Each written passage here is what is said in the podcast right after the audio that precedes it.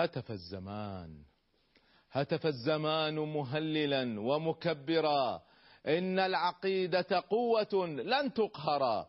لا شيء كالإيمان يرفع أمة لتقوم تلوي الظالم المتجبرا لا شيء كالإيمان يدفع غافلا عن حقه أو عاجزا متخدرا.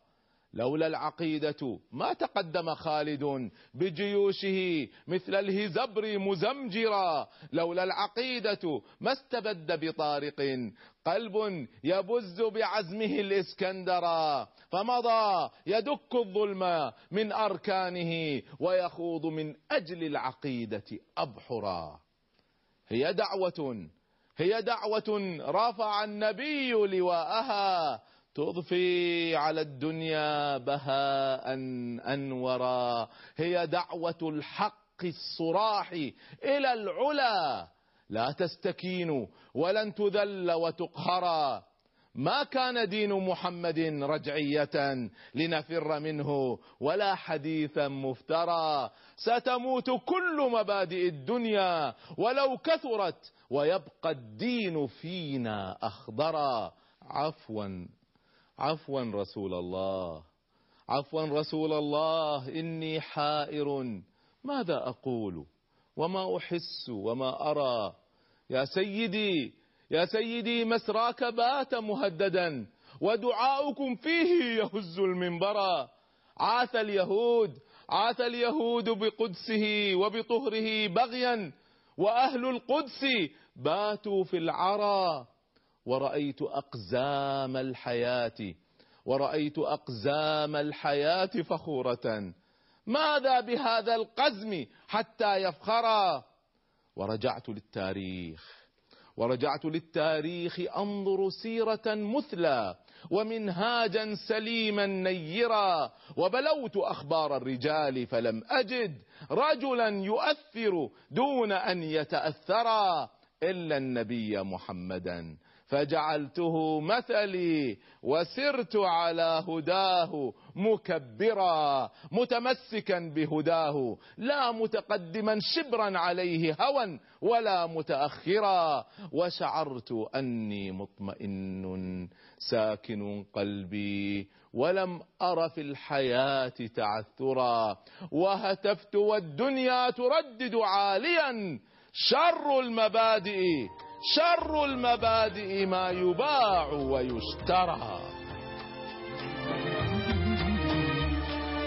إذا ما طمحت إلى غاية ركبت المنى ونسيت الحذر. ومن لا يحب صعود الجبال يعيش أبد الدهر بين ومن لم يعانقه شوق الحياة تبخر في جوها واندثر كذلك قالت لي الكائنات وحدثني روحها المستقر.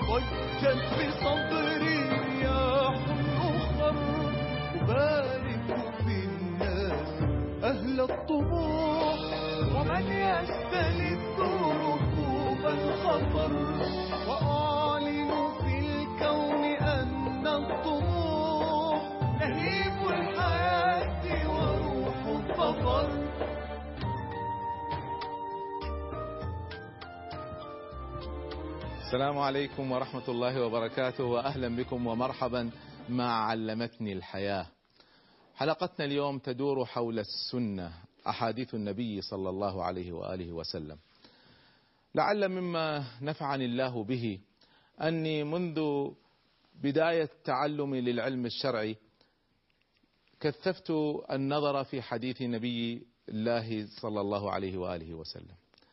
قرأت البخاري وقرأت مسلم وحرصت على قراءة الكثير من كتب الأحاديث بل أكرمني الله عز وجل بأني حفظت أعداد ضخمة منها بفضل الله سبحانه وتعالى. هذه الأحاديث التي حفظتها وأنا صغير نفعتني وأنا كبير. وصححت الكثير من المفاهيم عندي وجعلت كثير من القضايا عندما تناقش أتذكر حديثا للنبي صلى الله عليه وسلم فيه الإجابة على حديث النقاش وعندما تختلف العقول أرجع فأتذكر أثرا عن المصطفى صلى الله عليه وسلم يجيب على هذا الاختلاف الذي بين الناس. ثم إني ألحظ اليوم أن هناك ابتعاد بين الشباب وبين السنة وأحاديث المصطفى صلى الله عليه وسلم وأنا أعتبر أن هذا أمر خطير جدا أن يكون هناك ابتعاد وقلة علم في أحاديث المصطفى صلى الله عليه وآله وسلم. ولذلك حلقتنا اليوم خصصتها وركزت فيها على السنة. دعوني أعطيكم بعض الإحصاءات من تاريخنا الإسلامي وأعلق عليها. إحصاءات تتعلق بعلاقة العلماء بالسنة الشريفة. نبدأ بواحد من أعظم أصحاب النبي صلى الله عليه وسلم عبد الله بن عباس.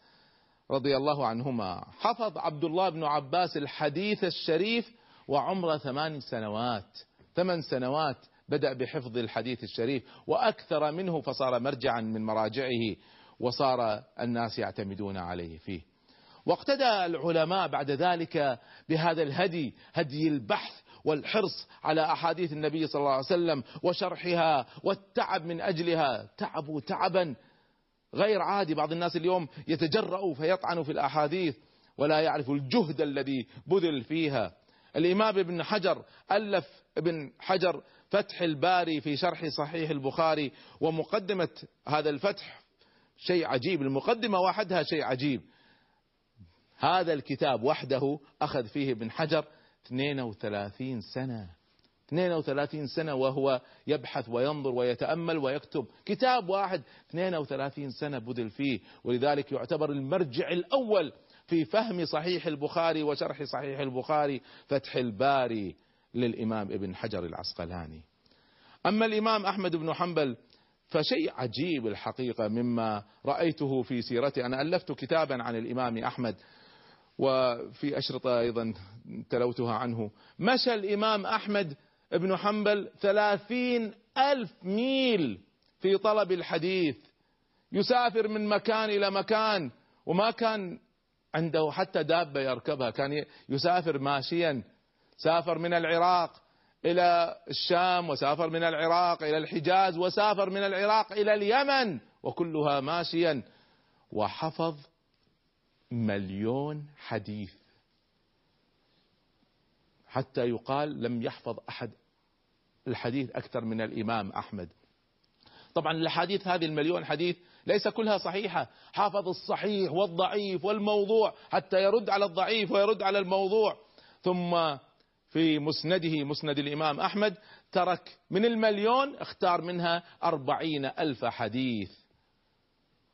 وكان كتب على مدى السنين وذلك لما انتهى منه أهداه لابنه. وابن عند ولدين عبد الله وصالح كلاهما من علماء الحديث.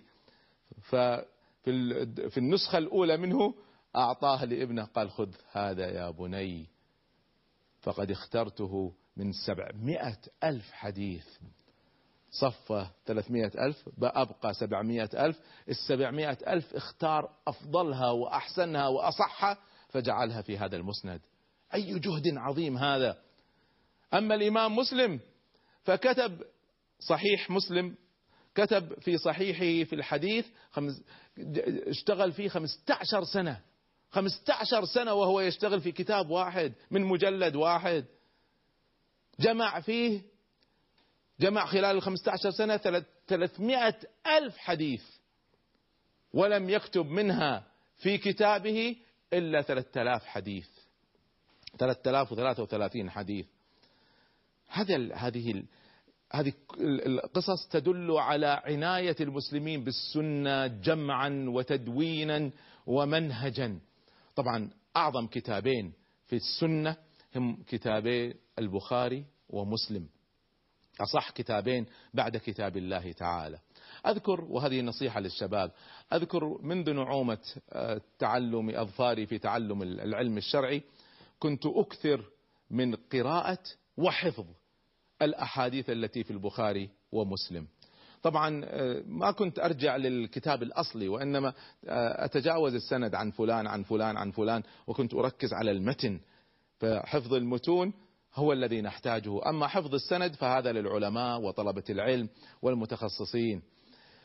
وأكرمني الله عز وجل أيضا بأني في بداية وجودي في أمريكا كانت مشاغلي قليلة.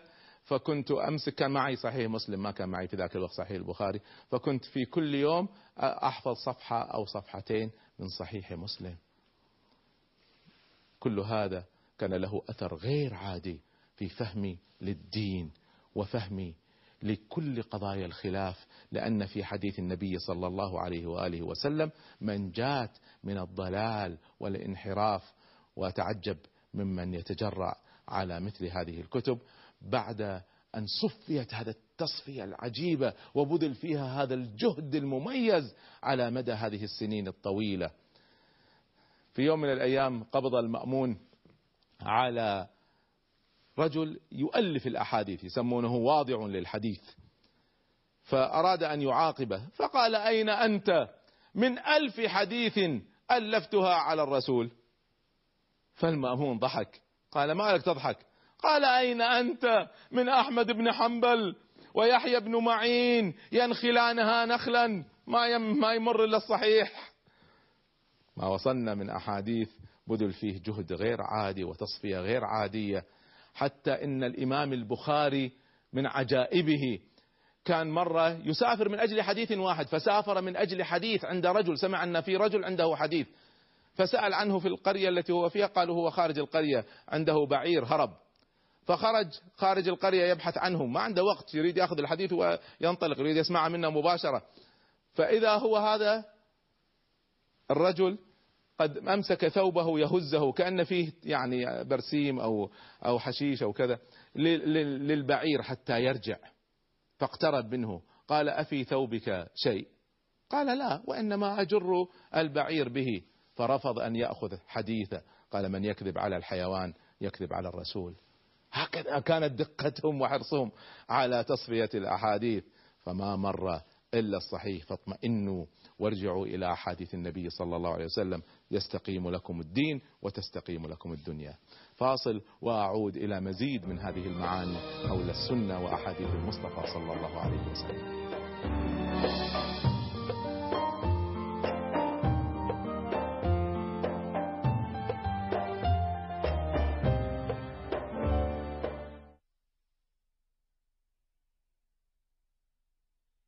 أهلا بكم ومرحبا مرة أخرى مع علمتني الحياة وحديث اليوم عن السنة وأحاديث النبي صلى الله عليه وآله وسلم. أنا أذكر هذا الموضوع لأني لاحظت أمرين. الأمر الأول في بعض الجرأة على السنة ما كانت موجودة من قبل وكان طبعا على على مدى الزمان هناك من يطعن بالسنة لكن لاحظت هذا بدأ يزداد وبدأ الناس يطعنون بجرأة برفض الأحاديث وغيرها. هذا أمر لا يجوز لأنه الواحد إذا ما عنده علم يرجع للعلم أصلا. الأمر الثاني الذي لاحظته وهو أخطر عندي ابتعاد الشباب عن أحاديث النبي صلى الله عليه وآله وسلم. هذا البعد عند الشباب لا لا ينبغي أن يستمر. يا شباب لن تستطيعوا أن تفهموا الدين إلا بأن ترجعوا للقرآن والسنة قبل الرجوع لكتب الفكر وكتب العلماء. ارجعوا اولا للقرآن والسنة. هذا هذا الحديث النبوي الشريف علماءنا بذلوا فيه جهد غير عادي ليس فقط في جمعه وإنما بذلوا جهد غير عادي في تنقيحه. ابتكر العلماء علم جديد على فكرة هذا العلم ما هو موجود إلا عند المسلمين فقط. لا توجد أمة في الدنيا عندها هذا العلم إلا المسلمين. علم الجرح والتعديل. ابتكر المسلمون هذا العلم سبقوا به كل الأمم. علم الجرح والتعديل عجيب جدا. ما هو الجرح؟ الجرح يعني هذا مجروح يعني متروك هذا ضعيف. والتعديل هذا عدل هذا عدل. ونبغوا نبوغ غير عادي. في قصة بقي بن مخلد هذا الإمام العظيم اللي كان تلميذ جاء من الأندلس ماشيا من الأندلس مشى إلى بغداد من أجل أن يتعلم علم الحديث. فمن قصته أنه حضر حلقة الإمام يحيى بن معين. يقول أنا ما كنت أعرفه. فإذا هو يرفع ويخفض هكذا المصطلحات بعض الأشياء اللي يستعملوها. يرفع ويخفض. يسأله الناس ما تقول في فلان؟ فيرفعه هذا ممتاز هذا حافظ هذا ما تقول في فلان فيخفضه. هذا هو الجرح والتعديل. هذا لا غير ثقة لا يحفظ آه، ضعيف يضع الحديث هكذا. يقول فتعجبت ما تردد في أحد. ولا واحد ما قال ما أعرفه. كل ما سئل عن شخص عرفه. فقلت والله لأسألنه عن أشخاص أنا أعرفهم في الأندلس. هو في بغداد إيش عرف فيهم؟ فقلت يا إمام جئتك من الأندلس ماشيا. فاسمح لي. قال أنت أولى من غيرك. اسأل. يقول فبدأت أسأله عن الناس اللي في في قريتي يروون الأحاديث. يقول فما جهل واحد منهم وما أخطأ في واحد منهم؟ كأنه يعيش معهم. عجيب. عجيب اليوم بعض الناس يشككوا في في علم الجرح والتعديل وعلم وعلم العلماء.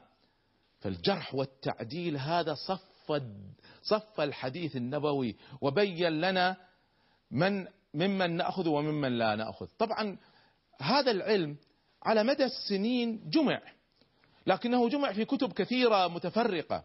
والعلماء على فكرة كانوا دقيقين جدا. يعني لما يقول مثلا قال روى أبو قتادة أو روى ابن قتادة عن عمر بن الخطاب رضي الله عنه. طيب ابن قتادة ولد بعد وفاة عمر فكيف يكون روى عنه؟ أكيد هو سمعها من أحد. فإذا بين ابن قتادة وبين عمر بن الخطاب رضي الله عنه في شخص مجهول لا نعرفه. هذا الحديث يسمى حديث منقطع ويعتبر من أنواع الحديث الضعيف. ليش؟ لأنه إحنا ما نأخذ ديننا من من شيء مجهول. أنا في بعض الطوائف الإسلامية متساهلين في قضية الحديث. أنا أنا عندي كتب بعض الطوائف الإسلامية بدون تسميات. فمن من أفضل كتبهم في أنا أنا أقرأ في هذه الكتب. كتب حديث. يقول حدثني فلان عن فلان عن رجل لقيته عند باب المسجد. شلون كيف نأخذ ديننا عن رجل لقيته عند باب المسجد؟ والأعجب من هذا والأغرب يعني وصلوا الفرق الأخرى ما عندها عناية بعلم الحديث كما هو عند أهل السنة والجماعة شيء واضح بين. في واحد من أفضل كتبهم شيء عجيب مهزلة سامحوني.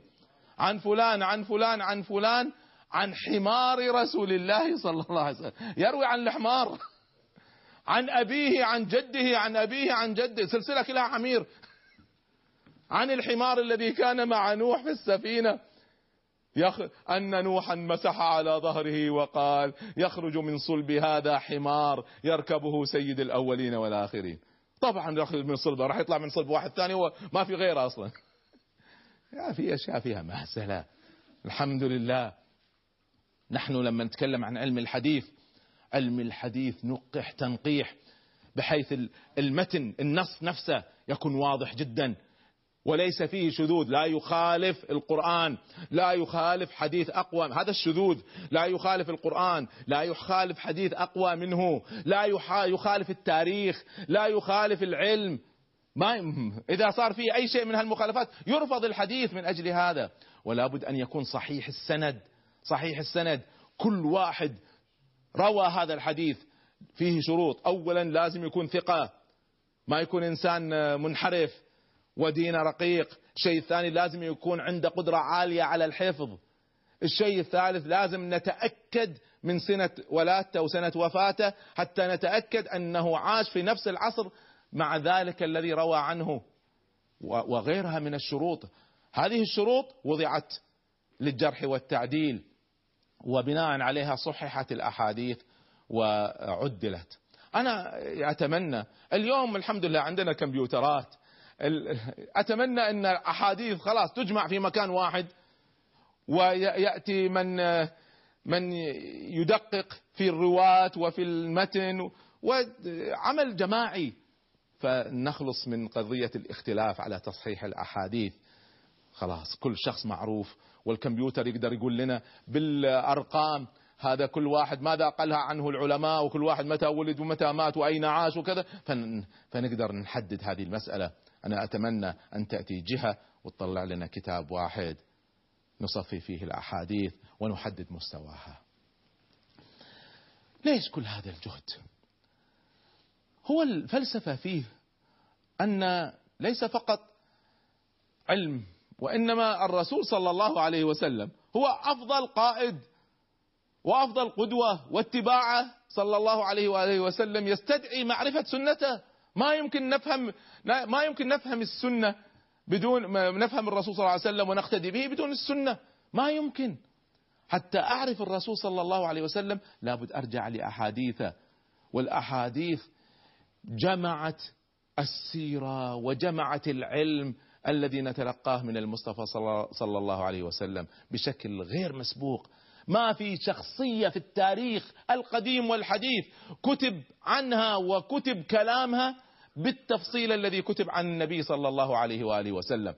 فنحن من خلال الحديث نتعرف على المصطفى صلى الله عليه وسلم.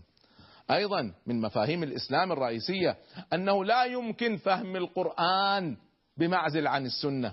ما يمكن. كيف نفهم القرآن بمعزل عن السنة؟ الله سبحانه وتعالى لما مثلا يتكلم عن قصة الإفك واتهام السيدة عائشة من قبل بعض المنافقين وتأتي هذه القصة في القرآن والله سبحانه وتعالى يقول والذي تولى كبره منهم. من هذا الذي تولى كبره منهم؟ كيف ستعرفها إذا ما كنت تعرف وترجع إلى الأحاديث؟ وغيرها وغيرها.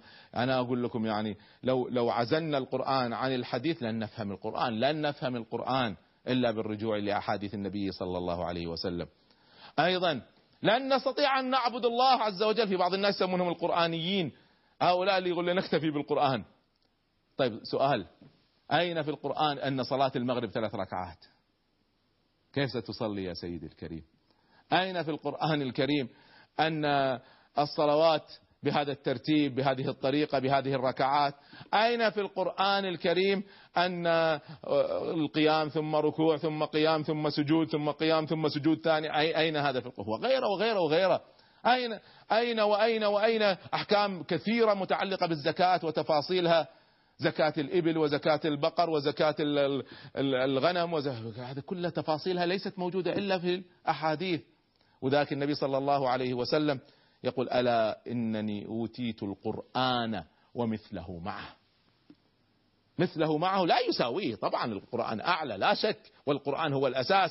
وإذا خالف حديث القرآن الكريم فنتمسك بالقرآن لكن مثله معه بالحجم ويفسره يفسره. فالسنة تابعة للقرآن ومفسرة للقرآن. هنا بس إشارة سريعة أن بعض الناس بالغ فجعل إذا آية من الآيات يقول منسوخة ويأتينا بحديث ينسخ بها. يعني أنا بالنسبة لي هذا فيه إشكال كبير جدا.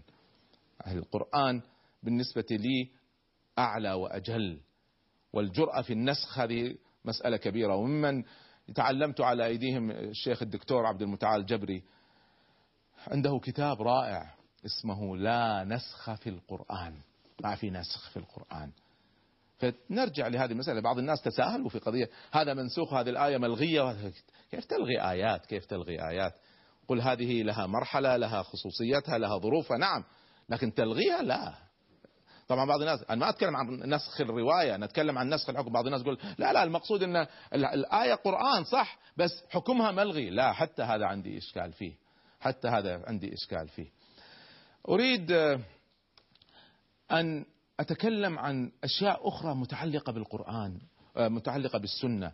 لأني لما تعمقت في هذه المسألة على يد أساتذتي العلماء وصلت إلى مجموعة من القناعات أنا أعتقد أنها مهمة جدا جدا لفهم السنة وبدونها لن تفهم السنة.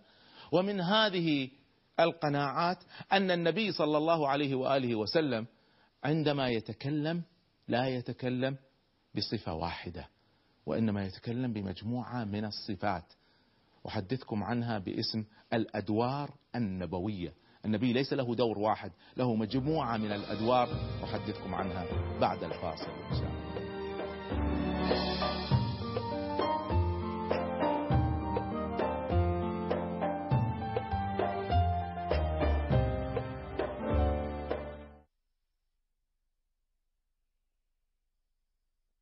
حياكم الله مرة أخرى مع علمتني الحياة وحديثنا عن السنة وأحاديث النبي صلى الله عليه وآله وسلم.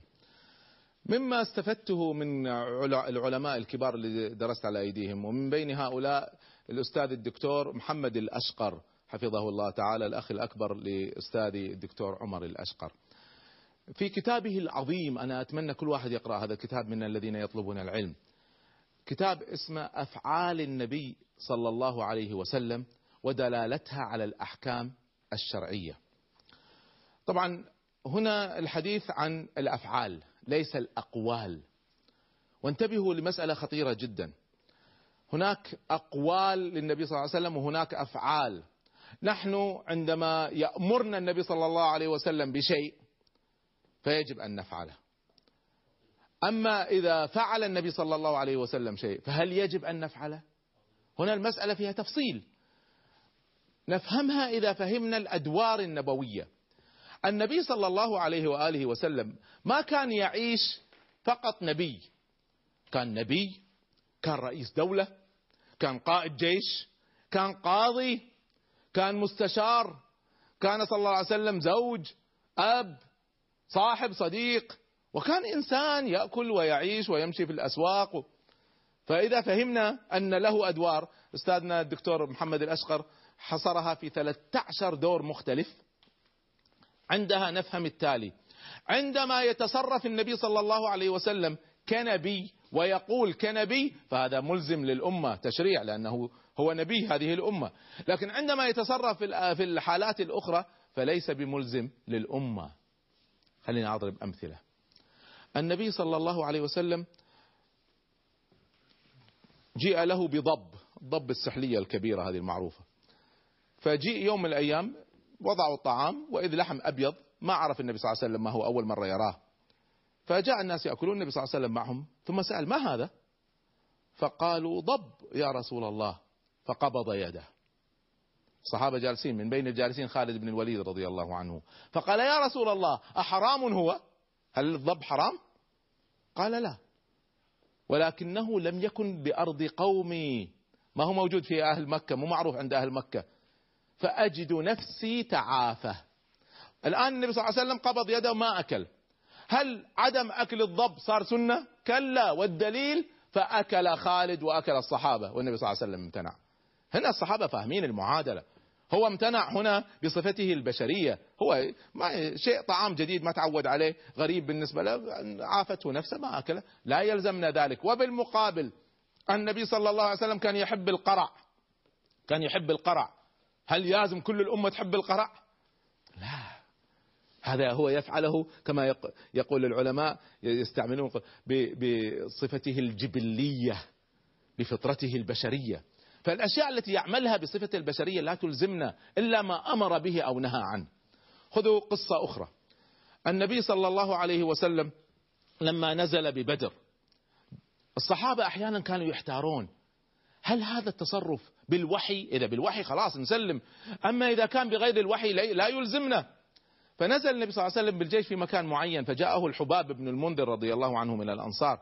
فقال يا رسول الله محتار. يا رسول الله أهذا منزل أنزلك الله إياه؟ إذا وحي خلاص نسكت نسلم. أم هو الرأي والحرب والمكيدة؟ قال بل هو الرأي والحرب والمكيدة. قال يا رسول الله ما هذا بمنزل؟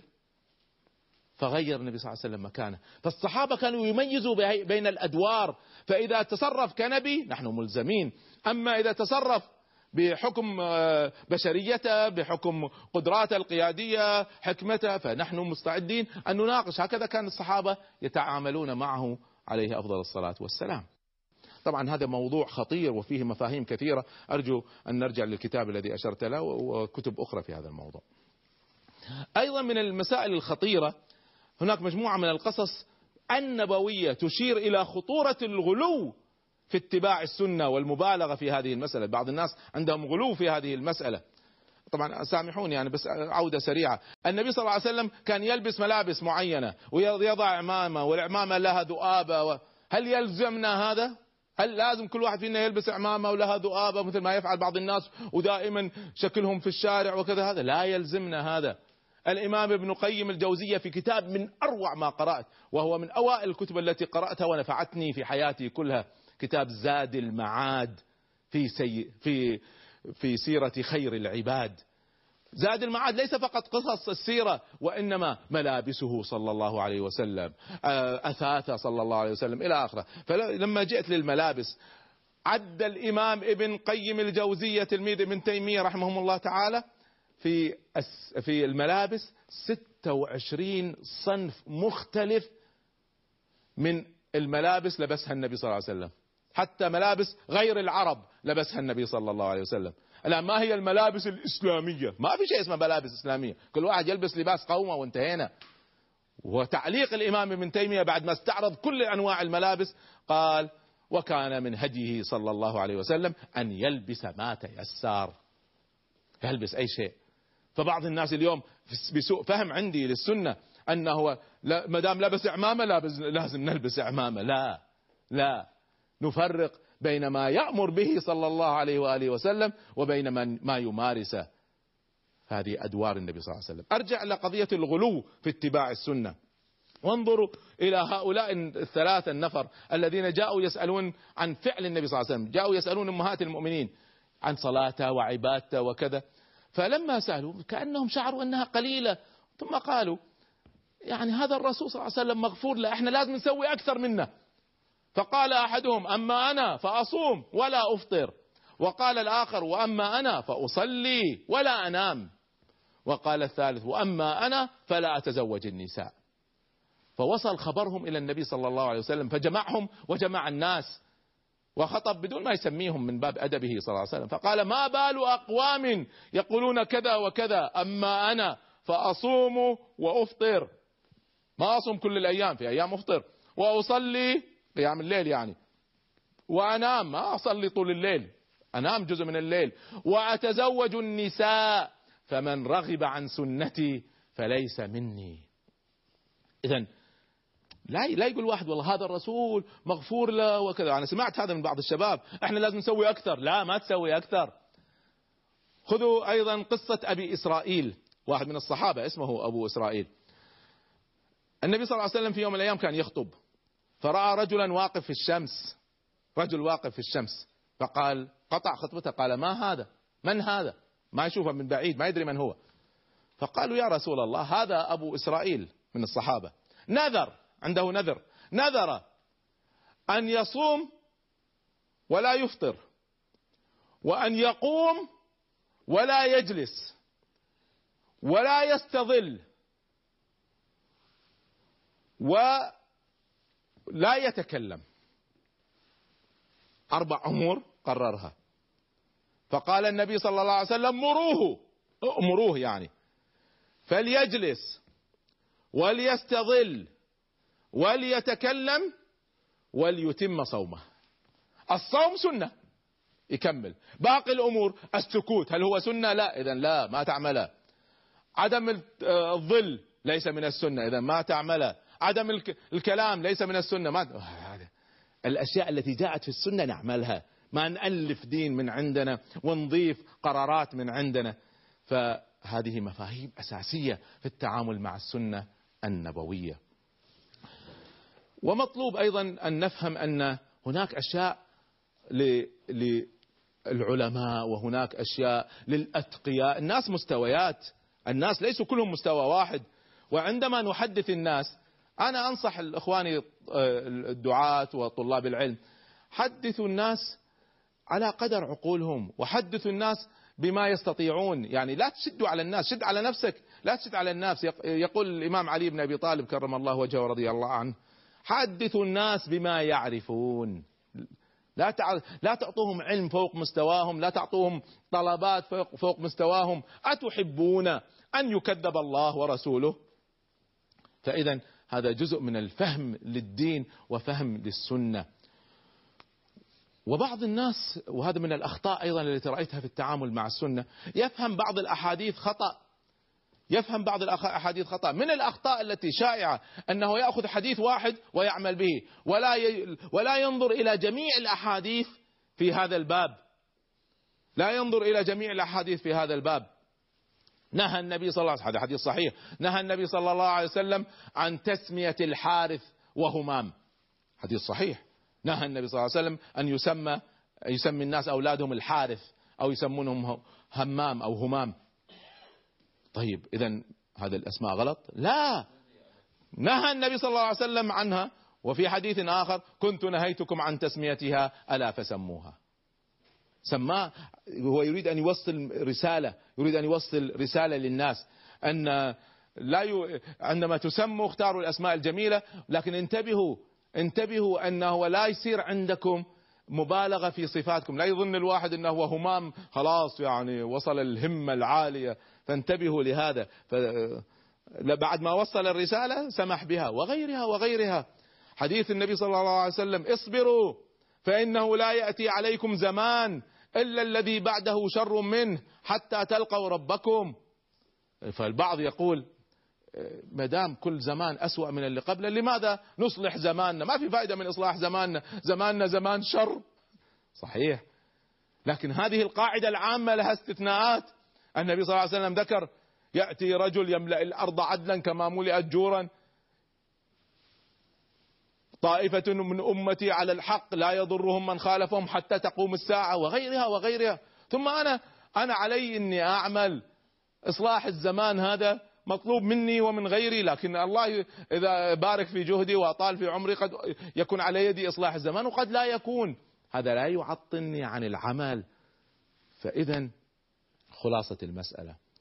اطلبوا الحديث وتعمقوا فيه ولا تستعجلوا في رفضه ولا تستعجلوا في تفسيره ولا تستعجلوا في الحكم به. فالأحكام تؤخذ من الفقهاء ورفض الحديث يؤخذ من علماء الحديث ولا لا يؤخذ من عامة الناس. أنا كنت في حلقات الوسطية أناقش بعض الناس في بعض القضايا فالبخاري هذا كل ما أعترف فيه الحنانيك حنانيك. ورأيت أختم بهذا. مرة كنت واحد من المفكرين المشهورين جاء لحديث النبي صلى الله عليه وسلم. حديث صحيح ومعروف مشهور قال لا يدخل الجنة أحد بعمله. حديث النبي صلى الله عليه وسلم. قالوا ولا أنت يا رسول الله. قال ولا أنا إلا أن يتغمدني الله برحمته. نحن ندخل الجنة برحمة الله. فهذا المفكر أنا سمعته بنفسي قال أنا هذا الحديث أرفضه. لأنه يتعارض مع القرآن. القرآن يقول جزاء بما كانوا يعملون ادخلوا الجنة جزاء بما كنتم تعملون. فإذا العمل هو السبب في دخول الجنة. فرفض الحديث بسوء فهمه. اسمعوا هذه المسألة بسيطة جدا أبسط مما يتخيل الناس. هل نحن ندخل الجنة بأعمالنا ولا ندخل الجنة برحمة الله؟ الباء هنا حرف الباء. هذا لقلة علمه باللغة العربية. حرف الباء له أشكال في اللغة العربية. هناك باء يسمونها باء المقابلة وهناك باء يسمونها باء السببية. يعني لما أقول اشتريت هذا الثوب بعشرين دينار إذا هذه باء المقابلة قيمته يساوي عشرين دينار. وإذا قلت هذا الشاب عمل حادث بتهوره إذا بسبب تهوره عمل حادث. طيب نرجع للحديث جزاء بما كانوا يعملون بسبب أعمالنا. نحن ندخل الجنة. طبعا الذي يعمل صالحا يدخل الجنة والذي لا يعمل صالحا يدخل النار بسبب عمله. لكن سؤال هل أعمالنا تسوى الجنة؟ هل تقابل الجنة بقيمتها؟ طبعا لا. فإذا جزاء بما كانوا تعملون باء السببية بسبب أعمالكم تدخلون الجنة. وبينما هنا لا يدخل الجنة أحد بعمله. يعني أعمالك ما تكفي لدخول الجنة. فهذه باء المقابلة. فليش ترفض الحديث يا رجل؟ التجرؤ على رفض الحديث أمر خطير جدا بسبب قلة العلم. أرجو أن يا شباب لا تقبلوا هذا. وارجعوا إلى العلماء. فاسألوا أهل الذكر إن كنتم لا تعلمون. مزيد من هذه المعاني بعد الفاصل.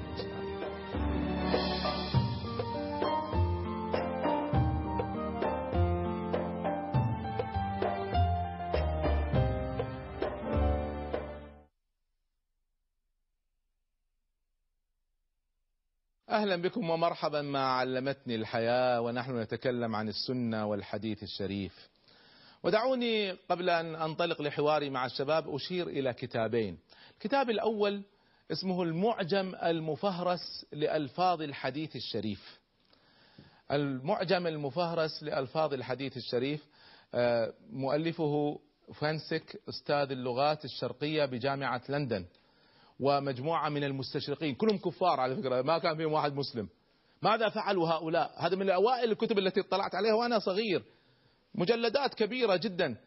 جمعوا كل أحاديث النبي صلى الله عليه وسلم في كل الكتب وفهرسوها فهرسة المعجم. أي حديث أي لفظة في الحديث تبحث عنها؟ بس ارجع إلى أصلها اللغوي مثل ما تدور في المعجم مختار الصحاح ولا غيره والمنجد كذلك فعلوا بالحديث. جهد رائع جهد عجيب قام به مستشرقين ونفعوا الأمة به. وبعدين وقع هذا الكتاب في يد آه، الأستاذ الشيخ محمد رشيد رضا رحمة الله عليه وأعطاه الشيخ محمد عبد الباقي. فبذلوا فيه جهد استدركوا على أخطائهم. كتاب رائع. أي حديث تفكر فيه سمعت عنه تريد أن تبحث عنه فقط اعرف أي لفظة في الحديث وترجع إليه. فهذا كتاب من أروع الكتب. كتاب آخر الحقيقة أنا أعتبره من أروع الكتب في الأحاديث. لا شك صحيح البخاري هو الأول. لا, لا شك صحيح مسلم هو الأول الثاني. لكن صحيح البخاري لم يجمع كل الأحاديث المهمة. صحيح مسلم لم يجمع كذلك الأحاديث. في كثير من القضايا لم تشير إليها. فجاء الإمام محي الدين أبو زكريا النووي فكتب كتابا رائع رياض الصالحين. أنا أقول لكم يا شباب هذا الكتاب حطوه مع القرآن. الأحاديث التي ستحتاجونها في حياتكم ستجدونها في هذا الكتاب. أذكر لما سافرت أمريكا واحد من العلماء نصحني قال لي خذ هذا مع القرآن. أي قضية تمر عليك ستجد الإجابة عليها في هذا القرآن فيما يتعلق بالأحاديث. فعجيب عجيب. قضايا العقيدة قضايا الأخلاق قضايا السيرة قضايا التفسير قضايا ومرتبة ترتيب رائع. والرائع الشيء الثاني في هذا الحديث الشيء الآخر الرائع في هذا الحديث أنه في هذا الكتاب أنه كل الأحاديث التي فيه أحاديث صحيحة. كلها أحاديث صحيحة. فما عندك مشكلة أن تأخذ أي حديث فيها. شيء رائع الحقيقة. الآن السؤال للشباب والوقت قد ضاق علينا لكن أسمع منكم بسرعة. طبعا لا يمكن الآن أطالب كل الشباب أن يعرفوا كل الأحاديث أن يعرفوا كل البخاري أو كل مسلم أو حتى كل رياض الصالحين. ما زال هذا الكتاب كبير على كل الشباب أن يحفظوها ويكون عن غيب عندهم. ما هي الأحاديث المهمة؟ كيف كيف كيف تختارون؟ ما هي أهم الأحاديث وكيف تميزوها؟ نسمع منكم تفضل. بسم الله الرحمن الرحيم. يعطيك العافيه دكتور بارك الله فيك. حياك تفضل. آه القضية قضية نسبية نعم. فيما يتعلق بالأهمية. نعم. هل ينبغي؟ لا ينبغي. نعم. لكن ترجع النسبية إلى تخصصات الناس. أحسنت. نعم في ممتاز. تخصص شخص مثلا يهتم بالعقيدة يهتم بالقضايا بالأحاديث العقدية. نعم. في الفقه كذلك فإذا قضية تخصص طبعا أهل التخصص لازم يتمكنون من الأحاديث المتعلقة بتخصصهم. فهذا كلام جميل. لكن ما, ما زال السؤال قائم. طب عامة الناس عامة الشباب فكروا معي. ما رأيك؟ بسم الله الرحمن الرحيم. دكتور أتوقع أنه لازم يطلع على يعني عدد معين من كل جزء أو من كل جزء معين. آه جميل. إذا إذا نأخذ كل المواضيع عقيدة فقه أحكام غيره أخلاق. ويعرف عدد معين من الأحاديث في كل مجال صورة جيدة يعني آه، بحيث يكمل عليها. جميل جميل. يعني أنتم ما بعدتم عن المعادلة التي أحب أن أطرحها لكم يا شباب. آه، بعد ما الحمد لله قرأت عشرات الكتب في علم الحديث سواء كعلم أو كأحاديث وجدت المعادلة التالية. الحقيقة كتاب رياض الصالحين عمل هذا. جمع أهم الأحاديث في كل مجال. وجميع المجالات الأساسية غطاها في كتابه الرائع. بس ما زال الكتاب كبير. نصيحتي لكم يا شباب احفظوا حديثين أو ثلاثة في كل فصل. في كل فصل. احفظ حديثين أو أو ثلاثة. خذ رياض الصالحين. وعاد حسب همتكم. بعضكم سيزيد بعضهم يقل بعضكم يحفظ أحاديث طويلة بعضكم يحفظ أحاديث قصيرة. لكن النصيحة ما في واحد فيكم إلا ويحفظ على الأقل حديثين أو ثلاثة من الأحاديث القصيرة في كل مجال. والمرجع هو كتاب رياض الصالحين لأن جمع الصحيح من كل الكتب وجمع تبويب رائع لكل ما تحتاجه في كل جوانب الحياة. لكن لا يكن صدرك فارغا من أحاديث النبي صلى الله عليه وسلم. فهذا هو الحد الأدنى الذي أتمنى أن الشباب يلتزموا به. أختم حديثنا كالعادة بالحكمة العطائية. يقول ابن عطاء رحمة الله عليه تسبق أنوار الحكماء أقوالهم فحيث صار التنوير وصل التعبير. ماذا يقصد؟ الذي اللي يسمونهم العارفين بالله المتعلقين بالله هو يعبر عنهم هنا بالحكماء. يقول إذا أرادوا إرشاد العباد الأمر بالمعروف النهي عن المنكر الوعظ غيره أولا يتوجهون إلى الله تعالى بقلوبهم في هدايتهم واستعدادهم لقبول ما يرد عليهم من أقوالهم. يعني لما أعظ الناس لما أذكر الناس أولا أقول يا رب يا رب افتح على قلبي افتح على لساني. يا رب اجعل لساني رطبا على قلوبهم. يا رب افتح قلوبهم لي. هنا نستعين بالله عز وجل. فيجيبهم سبحانه لذلك. فيخرج حينئذ من قلوبهم أنوار. تخرج من القلوب أنوار. تسمعون يقول ما خرج من القلب وصل إلى القلب؟ صحيح هذا الكلام صحيح.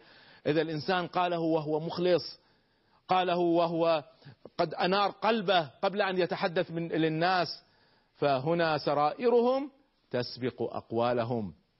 إذا صار ذلك أي حصل التنوير في قلبك حصل التنوير في قلوب السامعين ووصل إليهم المعاني التي تريدها فينتفعون بقولك أتم انتفاع. اذا طهر قلبك واستعن بالله ونور قلبك قبل أن تتكلم للناس.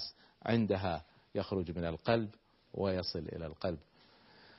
لعلكم استفدتم من حلقة الحديث الشريف والسنة النبوية الكريمة لعلنا خدمناها خدمة صغيرة لنصحح بعض المفاهيم ونوجه الشباب إلى ما ينفعهم في هذا المجال. شكرا لكم على حسن متابعتكم وإلى حلقة جديدة من علمتني الحياة. أستودعكم الله. والسلام عليكم ورحمة الله.